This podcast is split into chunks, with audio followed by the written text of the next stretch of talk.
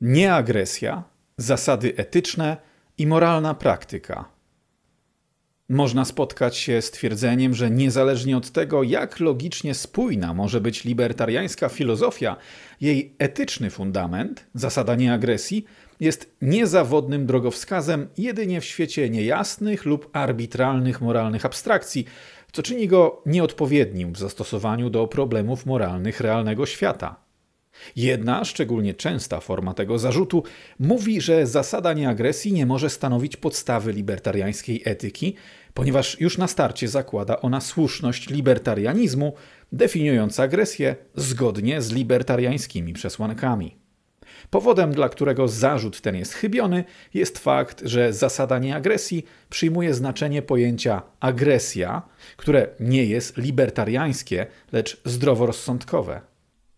Skoro definicje codziennych pojęć można się spierać w nieskończoność, intelektualnie najrzetelniejszą decyzją w tym kontekście jest przyjęcie Wittgensteinowskiej maksymy znaczenie to użycie i zaakceptowanie ich najbardziej prozaicznych codziennych definicji, o ile są one wystarczająco jednoznaczne, zamiast powiedzmy pokrętnie łączyć je z definicjami pojęć pokrewnych. Dobrze rozumiał to Isaac Berlin, pisząc: Wszystko jest tym, czym jest. Wolność jest wolnością, a nie równością, uczciwością, sprawiedliwością, kulturą, szczęściem człowieczym albo spokojnym sumieniem.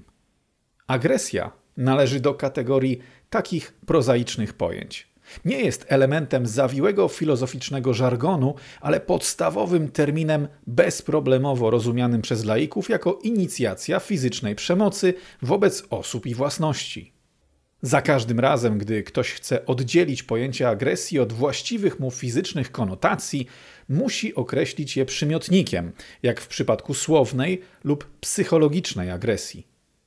Jest ono w tym sensie podobne do pojęcia sprawiedliwości, które jest zazwyczaj intuicyjnie rozumiane jako równość wobec prawa, lecz traci ono całą swą jasność i przejrzystość, gdy określimy je przymiotnikiem społeczna, co aż nadto dobrze rozumiał Friedrich August von Hayek.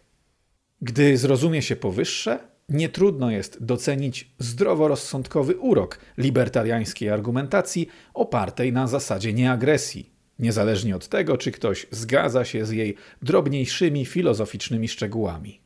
Innymi słowy, niezależnie od tego, czy ktoś zgadza się, że agresja jest zła, ponieważ jest pogwałceniem ludzkiej natury, której definiującą cechą jest zdolność do wolnego działania, z tej zdolności nie da się korzystać, gdy jest ona hamowana przez fizyczną przemoc, czy z tego powodu, że z konieczności wikła ona agresora w performatywną sprzeczność, nie trudno jest docenić moralną wiarygodność przesłanki przeciwko agresji i z tych samych powodów moralną wiarygodność przesłanki za libertariańską wolnością.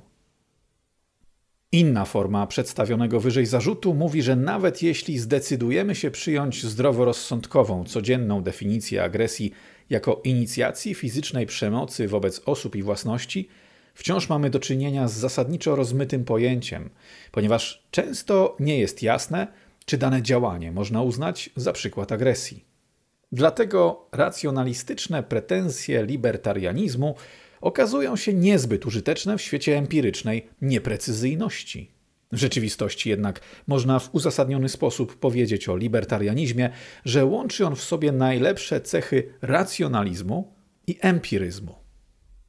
Z jednej strony opiera się on na dedukcyjnej refleksji na temat tego, jaki jest logicznie konieczny kształt ogólnych instytucjonalnych ram, w obrębie których poszczególne jednostki mogą skutecznie realizować swoje cele, nie stając sobie nawzajem na przeszkodzie. Ramy te to bezwarunkowy szacunek dla zasady samoposiadania, wynikających z niej praw własności prywatnej i wyrastającego z nich systemu przedsiębiorczej konkurencji i efektywnościowej weryfikacji.